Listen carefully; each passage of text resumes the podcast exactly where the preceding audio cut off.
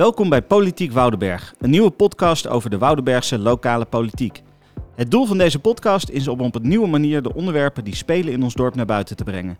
Dit kan onder andere gebeuren door gesprekken met politici en inwoners van Woudenberg om duidelijk te krijgen wat de standpunten zijn vanuit de partijen en wat de wensen zijn vanuit de inwoners. We trappen deze podcast af met een serie heel bijzondere afleveringen. Op maandag 13 mei was er in de Kamp een Europa-debat, georganiseerd door PvdA GroenLinks, VVD, ChristenUnie SGP en CDA. Tijdens deze avond gingen vier kandidaat-Europarlementariërs aan tafel met vier ondernemers om te praten over vier thema's met een relatie met Europa. Dit alles onder leiding van Arie Langkeek. In de komende dagen zal deze avond in vier delen worden gepubliceerd. In deze eerste aflevering worden allereerst vier mensen uit de organisatie voorgesteld. Dana Wams van PvdA GroenLinks, Hans Barels van de VVD, Ellie van Oosterom van ChristenUnie en Michel Hardeman van het CDA.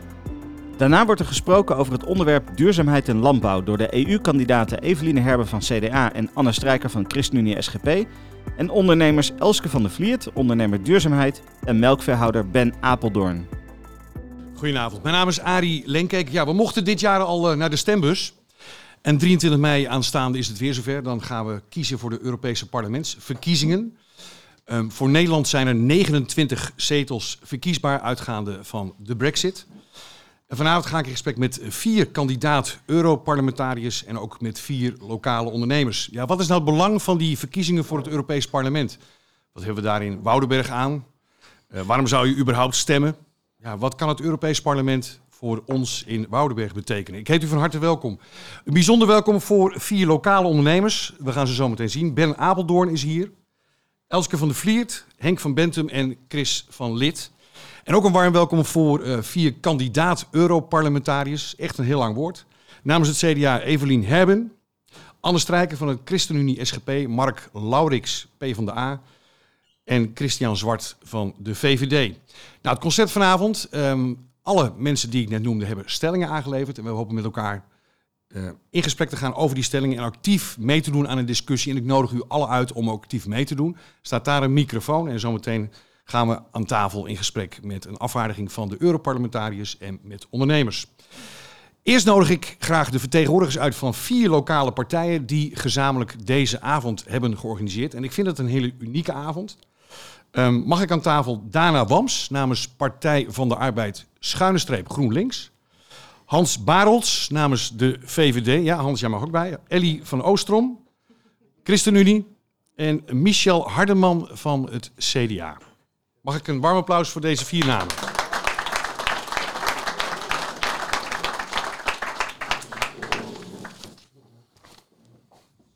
Was dat een verrassing, Hans? Dat was een verrassing. Dat had ik niet verteld, hè? Ja. En jij was druk met andere dingen. hey Dana, leg even uit. Partij van de Arbeid, schuine streep GroenLinks. Want ja, er zijn mensen die hier misschien in Woudenberg voor het eerst zijn. Het zijn twee politieke partijen en ik zei slash. Hoe zit dat? Uh, ja, klopt. Sinds uh, een paar jaar um, zijn Partij van de Arbeid en GroenLinks een gecombineerde partij in Woudenberg. Uh, tijdens de gemeenteraadsverkiezingen in 2018, dat waren de eerste verkiezingen waarbij dat um, gold. En um, dat hebben we gedaan omdat er overlap was tussen de partijprogramma's. Vooral op lokaal niveau zagen we kansen om samen te werken en zo een hopelijk een wat breder links draagvlak te creëren in Woudenberg. PvdA GroenLinks, uh, dan krijg je de opdracht om een kandidaat Europarlementariër uit te nodigen. Ja. Uh, nou, dat dat werd we... dus PvdA, want jij komt uit PvdA-nest, toch? Uh, dat is niet de reden oh. waarom PvdA hier is. um, maar we hebben eigenlijk de vraag uitgezet bij zowel Partij van de Arbeid als GroenLinks. En Partij van de Arbeid was de eerste die reageerde. Lekker concreet. Dus ja, zodoende. Heel mooi. Hans, waarom organiseren jullie deze avond überhaupt? Nou, om toch als... Uh, Even de microfoon erbij, dan kan iedereen het goed... En er worden ook opnames gemaakt overigens. Oh, kijk aan. Geluidsopnames. Ja, ja geluidsopnames, oké, okay, prima. uh, wij uh, zijn van mening dat er best aandacht mag zijn voor deze Europese parlementsverkiezingen. We vinden eigenlijk dat er veel te weinig aandacht voor is. En het is eigenlijk op initiatief geweest van de Partij van de Arbeid en, de, en het CDA dat zeg maar, de eerste gesprekken hierover hebben plaatsgevonden. We hebben daar als VVD uiteraard uh, volgaande aan meegedaan. En dat doen we nog steeds. Jullie hoefden daar niet over na te denken als VVD? Wij hoefden daar niet over na te denken. Nee, ook want wij uh, ja, dragen Europa een warm hart toe. En want transport is groot in Woudenberg, uh, agrarische sector, landbouw. Wij zijn uh, een behoorlijke transportonderneming. Er zijn veel transportondernemingen hier. Hè? Daar zal straks ook iemand van uh, aan tafel plaatsnemen.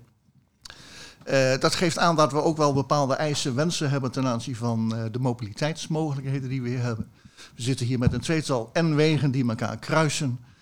en, dus trans transport en, en mobiliteit hebben, uh, hebben onze aandacht. Ja, Ellie, uh, je buurman zegt het. Uh, Europa is belangrijk voor Woudenberg.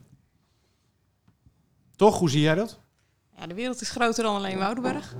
Um, en samen uh, kom je verder. Dus met samenwerking in Europa uh, kun je meer bereiken. Hey, daarna samen met andere politieke partijen dit georganiseerd. Hè? Hoorden we net iets over. Hoe ging dat? Um, ja, goed. We zijn eigenlijk uh, van begin af aan op zoek gegaan naar de overeenkomsten tussen de partijen hier wat betreft de Europese parlementsverkiezingen.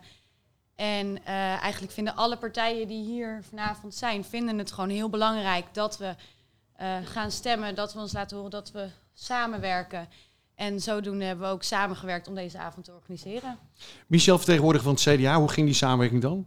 Ging dat vlekkeloos of heb je ook wel discussie gehad? Nou, we hebben, gezellig, het was, uh, nee, het was heel gezellig. Het ging heel erg goed. Uh, wat Dana aangaf, uh, en Hans ook, van het, nou, we hebben, ik heb ooit een keer een, een, korte brainstorm sessie gehad met Wils van der Steen van de Partij van de Arbeid. Om te kijken van, nou, wat kunnen we nu samen met z'n allen organiseren? Hè, wat raakt ons allemaal? We hebben onze verschillen, politiek in Woudenberg, maar ook gelukkig heel veel overeenkomsten. En nou, deze vier partijen hebben in ieder geval de overeenkomst dat ze met alle kanttekeningen, maar wel voor Europa zijn.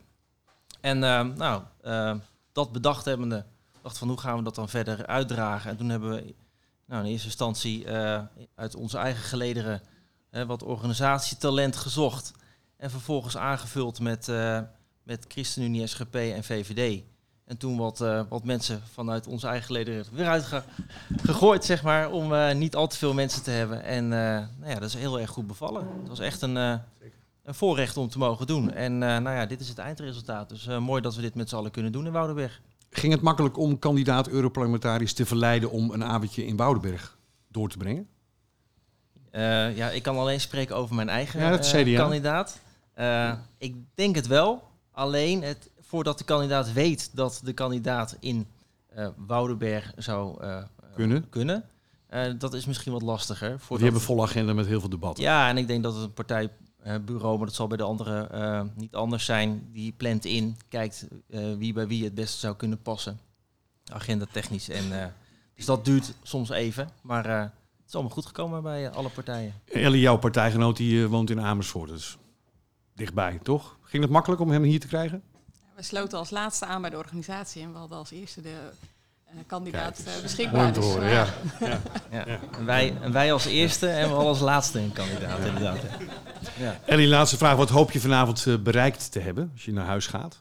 Ik hoop bereikt te hebben dat we met elkaar een mooie avond hebben over Europa. Dat duidelijk is wat Europa voor Woudenberg kan betekenen. Um, en vooral ook het, dat we met elkaar kunnen zien wat het belang is om 23 mei te gaan stemmen. En dat geldt ook voor jou, Hans, en de VVD? Ja, ja, in feite wel. Ik kan me grotendeels of helemaal zelfs aansluiten bij uh, de woorden van. Uh, een beetje saai gesprek zo. Ja, precies. Hè. Vandaar dat ik ook al zoekende ben van goh, wat zal ik er nog aan, uh, aan toevoegen. Ja. Ik hoop dat we nog een aantal leuke ja, tips krijgen. ik wil me niet al in de discussie werpen, maar ik, ik, ik zag eergisteren geloof ik op televisie dat met name de gemeente. Olden, nee, Hengelo, dat hij zeer actief is op het binnenhalen van gelden uit Brussel. En ik uh, denk dat het misschien uh, goed is om, om nou, goed, dat puntje gewoon eens even in het achterhoofd te houden. Van hoe zouden we dat als Woudenberg ook kunnen? Nou, wie weet kunnen we dat vragen aan de kandidaat ja. Europarlementariër. Nou, dank jullie wel voor dit gesprek. Geniet van de avond. Zoek een plekje. Blijf in de buurt en doe vooral actief mee. Hè? Applausje voor deze organisatoren. Het eerste blok tot aan de klok van 9 uur gaat over duurzaamheid en landbouw. Mag ik uitnodigen namens het CDA mevrouw Eveline Herben. Namens ChristenUnie SGP Anne Strijker. Elske van der Vliet, lokale ondernemer op het gebied van duurzaamheid. En als laatste Ben Apeldoorn, melkveehouder. Evelien Herben van het CDA. Ehm, ik heb een eh, korte cv gekregen. Al 25 jaar werkt u in en vooral ook voor het Nederlandse bedrijfsleven. En de laatste negen jaar in Brussel als belangenbehartiger voor de Nederlandse bloemensector. Klopt. Ben ik dan volledig? Ja, dan bent u eh, volledig. Nou, Anne Strijker zei van tevoren, de tekst die je hebt gekregen, die heb ik niet zelf geschreven. Maar goed, het is een feit dat hij senior adviseur is voor de Europese Commissie. En volgens het partijbestuur is Anne, eh, de kennis die hij heeft over Europa en zijn ervaring binnen Europa is indrukwekkend. Heeft niet zelf gezegd, dat zegt het partijbestuur. Je voelde je wat ongemakkelijk erbij. Absoluut. Ja. Elske, eh, compliment. Eh, volgens mij heb jij duurzaamheid uitgevonden toen het nog niet bestond. Ehm, jij bent uh, vooral, dan staat hier de grondlegger van het CO2-afslankprogramma voor wagenpark en mobiliteit. Daar gaan we straks natuurlijk over hebben. En Ben Apeldoorn, ja, een hele lang cv, even heel kort samenvatten. Je bent melkverhouder aan de Moorsterweg, hier in Woudenberg. Je hebt ongeveer, dat zal misschien per week verschillen, 115 melkkoeien. 70 stuks jongvee. Je produceert 1,2 miljoen kilo melk. En heel veel uh, hectare waar je gras en snijmais verbouwt. Nou, voor de rest ben je ook uh, actief in de LTO-afdeling Gelderse Verlei. En je bent ook lid van de ledenraad van ABZ Diervoeding. Duurzaamheid. Mevrouw Herbe, u uh, zit in Europa. Hoe doen we het eigenlijk als Nederland in Europa op het gebied van duurzaming, verduurzaming? Staan we goed op de kaart? Um, ik vind van wel. Uh, zeker in de, de sector waar ik uh, werkzaam in ben, in de tuinbouw. en ik word ook af en toe heel erg moe van het landbouwbesje wat er plaatsvindt met name vanuit NGO's, dat we het alleen maar verkeerd doen. En dat, het geeft ook zo'n negatieve impuls aan ondernemers die echt al heel lang met van alles bezig zijn om die verduurzaming tot stand te krijgen. Maar goed, ik, ik stel je de vraag, doen we het goed in Europa? Ik, ik kan me ook die lijstjes herinneren dat alleen Malta onder ons staat, hè? Van de week was er zo'n lijstje, stond Malta net weer boven ons, stond er helemaal onderaan. Het hangt er een beetje van af waar je het over hebt. Als je het hebt over uh, uh, hernieuwbare energie. Uh, er zijn veel landen die hebben waterkrachtcentrales of die hebben heel veel um, kerncentrales. dus die zitten in die, in die duurzame lijstjes al een stuk hoger dan wij. Ja. Dus ja, het, het is, je moet het even, even beter onderzoeken vaak of beter lezen dan de, de, de boodschap in de headlines. Oké, okay, de energietransitie is ook zo'n onderwerp. Hè? We moeten van het gas af. Met alleen windmolens en zonnepanelen gaan we het volgens mij ook niet redden. Nee. Zijn er andere alternatieven om energie op te wekken? Nou, in de tuinbouw werken we veel met aardwarmte. Ja. Dus geothermie? Geothermie. Daar, dat heeft ook zeker nog verdere potentie in, in Nederland. Het probleem is een beetje dat de ondergrond is in beeld gebracht voor olie en, en gas. En niet zozeer voor heet water. Dus dat is ook wel heel erg pionierig geweest in de sector. Uh, men kon eerst ook geen verzekeringen afsluiten voor misboren. maar de, de, ondernemersgeest van de tuinbouwers was dan zodanig, dan gingen ze naar Duitsland om daar een, een verzekering af te sluiten. En ja, dat, dat waren ook projecten. Ja, dan komt er inderdaad olie en gas nog boven. dan moest de hele boel weer worden afgesloten. dus daar zijn stapjes in gemaakt. Maar het, het, is een, ik vind het een hele mooie manier van duurzame energie. Ook als je kijkt naar ja, windmolens, die schrijf je over 30, 40 jaar af. En zo'n aardwarmtebron, ja, die is na 30 jaar 1 graad minder warm. Maar dat kan dus veel langer mee. En wat die landen, of die, die, die, die kassen waar u het over heeft, hè, met geothermie, dat is 2, 3 kilometer diep, heb ik me laten vertellen. Hè. Maar de stad München wordt, weet ik toevallig, door vijf ultradiepe geothermiecentrales van elektriciteit en warmte voorzien. In Nederland kennen we dat nog niet. Nee. Kent u dat uh, alternatief? Nou, we zijn uh, in Naaldwijk bezig geweest om uh, echt diep te gaan boren naar 4 kilometer. Dat heeft ook een enorme toestand gegeven om nou ja, daar subsidies voor, te, voor te krijgen en de vergunningen. En er moest eigenlijk een, een, plan B meteen worden ingebouwd van ja, als het op 4 kilometer niet lukt, dan wordt het een bron van 2,5 ook. En daar zijn ze eigenlijk op uitgekomen. Dus het is, ja, wij, wij moeten nog wat meters maken in Nederland om. het zijn nieuwe technieken, een beetje onbekend. Goede, ja. ja. ja. Elske, gaat het goed in Nederland? Het gebied van verduurzaming?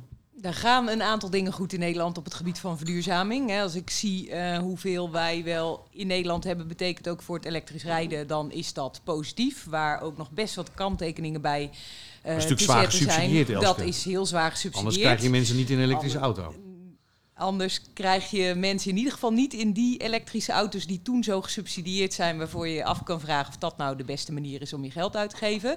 Uh, dus we doen het wat dat betreft best goed. We hebben ook uh, qua kennisinstellingen uh, een hoog niveau hier in Nederland.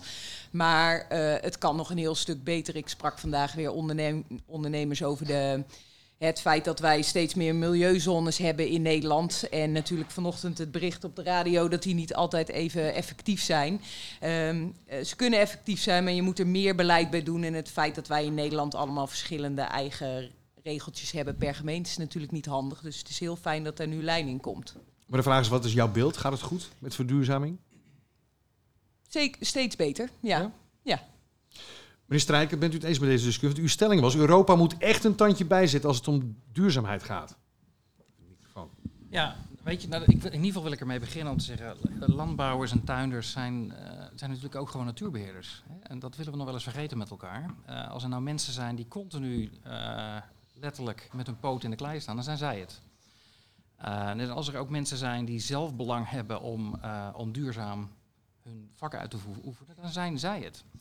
Uh, en, en, dat is denk ik wat je in de discussie vaak uh, vergeet uh, met elkaar. Nou, vandaag is natuurlijk minister van Landbouw, Carola Schouten, die naar buiten komt met... we moeten nu echt stappen zetten als het gaat over de waardesprong die er zit in de keten. Wat betaalt de consument en wat blijft er uiteindelijk over voor landbouwer en tuinder? Je ziet gewoon dat die trend eigenlijk continu langs elkaar heen loopt. Prijs gaat omhoog. Tegelijkertijd krijgt landbouwer en tuinder minder en minder. Nou, als je dan wil beginnen over duurzaamheid, en dat willen wij als ChristenUnie SGP, als je dan wil beginnen over biodiversiteit, dan heb je een probleem. Hè? Dus daar moet echt iets aan gebeuren. Dat lukt dan niet. Um, want alleen dan is er ruimte, en dat willen ze wel, maar dan alleen dan is er ruimte om stappen te zetten. Uh, en nu zie je, na een eerste stap in Europa, en daar moeten we denk ik wel blij mee zijn, de mededingingsregeling die is aangepast, waardoor er nu de mogelijkheid is voor landbouwers om, uh, om samen uh, een vuist te maken als het gaat over de onderhandelingen met supermarkten. Zover is het nog niet. Uh, en ik werd er ook nog maar net op gewezen uh, toen ik sprak met iemand uit mijn eigen partijhoek van uh, wees voorzichtig. Dat moet het allemaal nog wel gerealiseerd worden. Het zijn de plannen. En maar dit is wel een hele belangrijke stap. Hè? Het is nog maar marginaal. Het zijn oneerlijke handelspraktijken die worden voorkomen. En dat wil zeggen dat er op tijd moet worden betaald. En dat supermarkten niet op het laatste moment de bestellingen kunnen afzeggen. Maar het, het, hele probleem in dat mededingingsrecht is eigenlijk dat de, de, de consument alleen maar wordt beschermd en niet de, de producent. Dus het, het vraagt echt een, een hele omslag in die, in die regels. Eh. Ja, en daar, is, daar beginnen ze natuurlijk nu mee. Hè. Als, je, als je daar nou, en eh, ik zie dat echt als een hele positieve kentering, want dat betekent wel dat je als, als sector eindelijk samen een, een vuist kunt maken. Dat mocht niet, was in strijd met kartelregelgeving. Uh, en die ruimte is er nu. En de tweede punt is, en dat zal ook tijd nemen, dit is natuurlijk niet morgen opgelost, maar de, de, het onderzoek naar de waardesprong uh, en, en goed kijken naar waar je nou eigenlijk uh, middelen ook kwijtraakt. En daar nou dat over een aantal jaren gaan bijhouden, dat betekent ook dat je zicht krijgt op wat er nu eigenlijk gebeurt in die hele keten. En als we dat ja, onder de knie krijgen met elkaar, dan betekent ook dat er daarna ruimte is om met elkaar te gaan zitten als partners hoe gaan we dit probleem oplossen? Want dat er een transitieprobleem is en dat we echt iets moeten, moeten doen, volgens mij kunnen we daar niet omheen met elkaar. Mevrouw Hebben, het is uw stelling. Europa moet zich matigen met het stellen van regels en juist belemmeringen wegnemen. Hè, zodat er ruimte komt voor duurzame en circulaire economie. Voordat u daarop ingaat, heel, heel kort kunt u uitleggen wat circulaire economie is? Uh, nou ja, circulaire economie uh, is uh, simpel gezegd, afval bestaat niet. dus, Grondstoffen worden schaars en duur. Ja, dus afval is opnieuw grondstof. En het, uh, dat vergt een andere manier van, van denken. Uh, en ik denk uh, iedere ondernemer op zijn gebied zal over zijn productieprocessen moeten nadenken van oké, okay, wat, be wat betekent dat voor mij en hoe zou ik dat anders kunnen doen? Nou, minder regels, zei u? Nou ja, er zijn, ik denk aan de ene kant dat, dat de markt ook wel wat reguleert. Um, hè, als, je, als je kijkt uh, dat, uh, dat uh, consumenten duurzamere producten willen hebben, dan komt die druk daar ook al vandaan.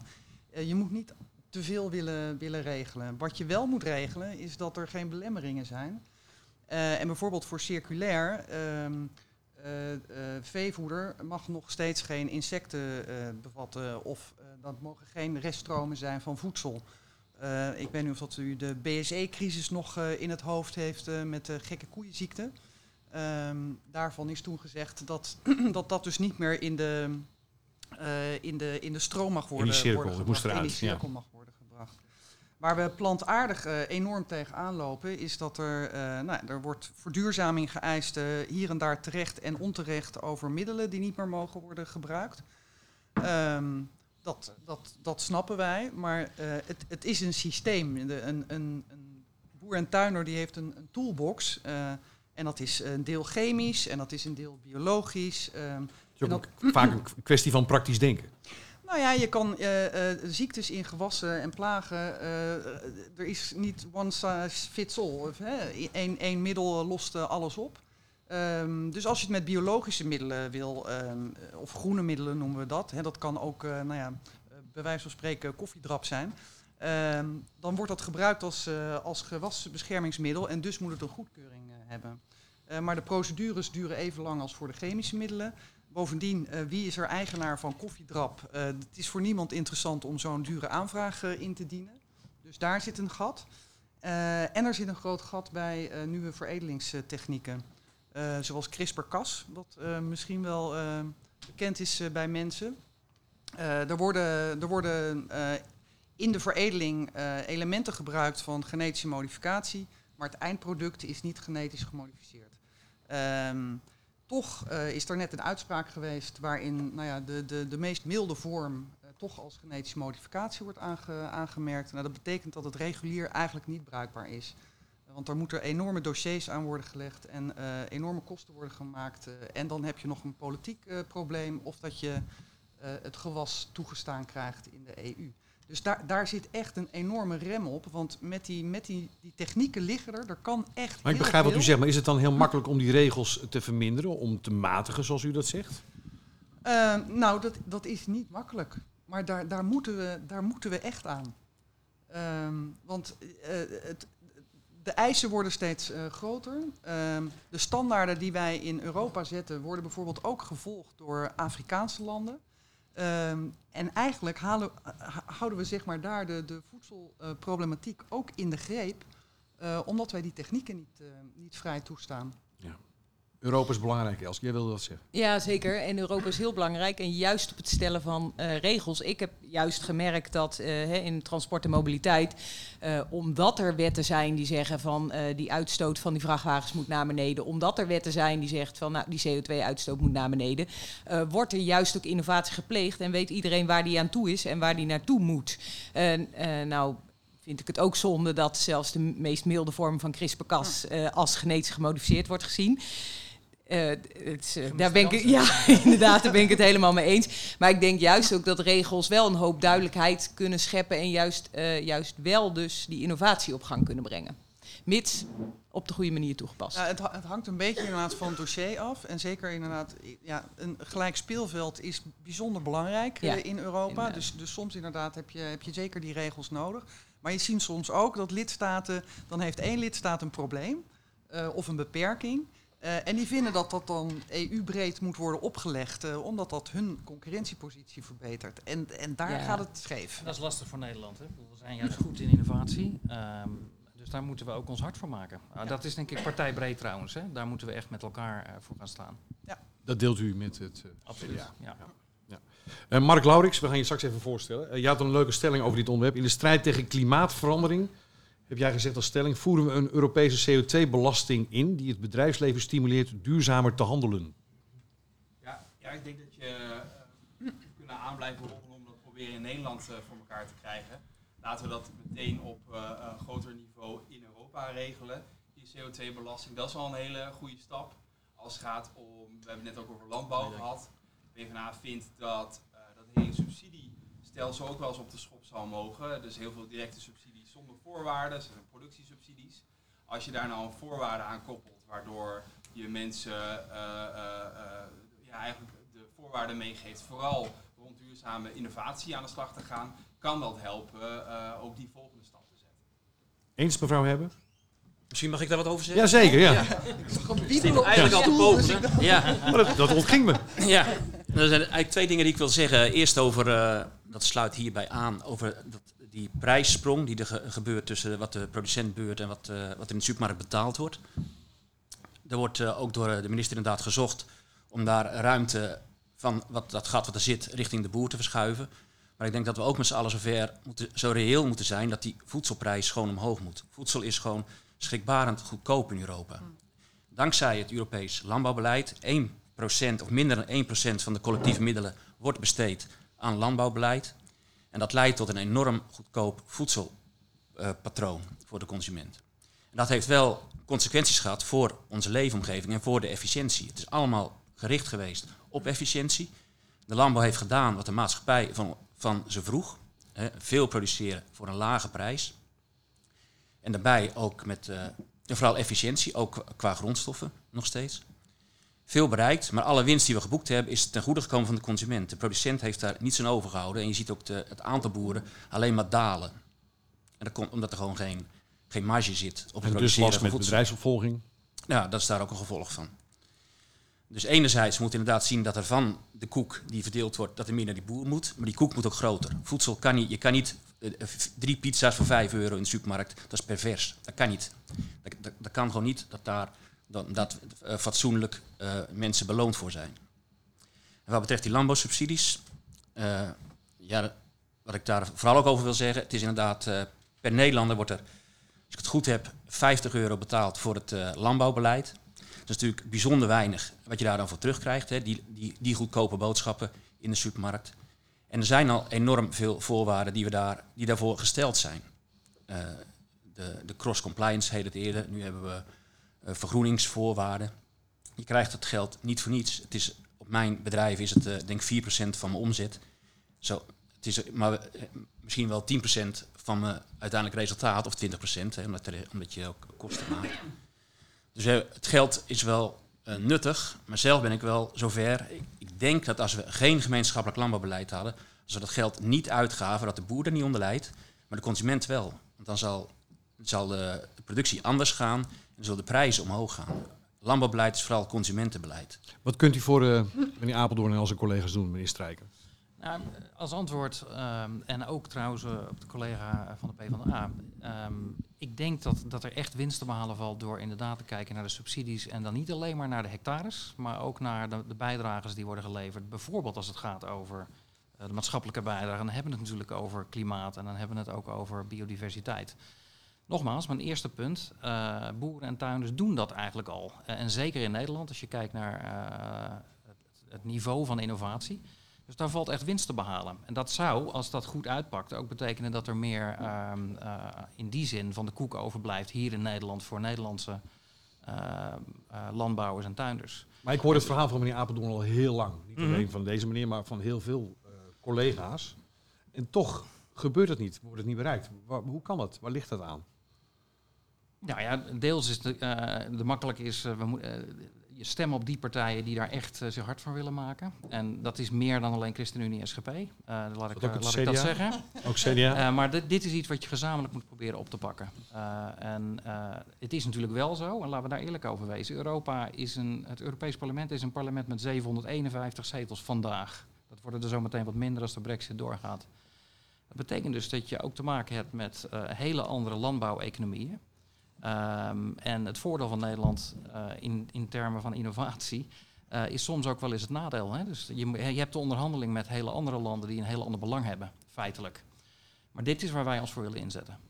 Daar ben ik helemaal mee eens. Ik denk als we inderdaad Europese, Europese geld in Nederland zouden stoppen, de Nederlandse boeren die blijven wel, maar dan zal de Franse overheid nooit toestaan dat het platteland dan min of meer uh, leegloopt. Die gebruiken die gelden echt om het platteland bevolkt te houden. Dus dat zijn dingen waar we wel mee te maken hebben. Dat was de eerste aflevering van deze nieuwe podcast. De komende dagen zullen via dit kanaal ook de overige delen van het Europa-debat worden gepubliceerd over de onderwerpen landbouw, transport en digitalisering. Bedankt voor het luisteren en tot de volgende keer.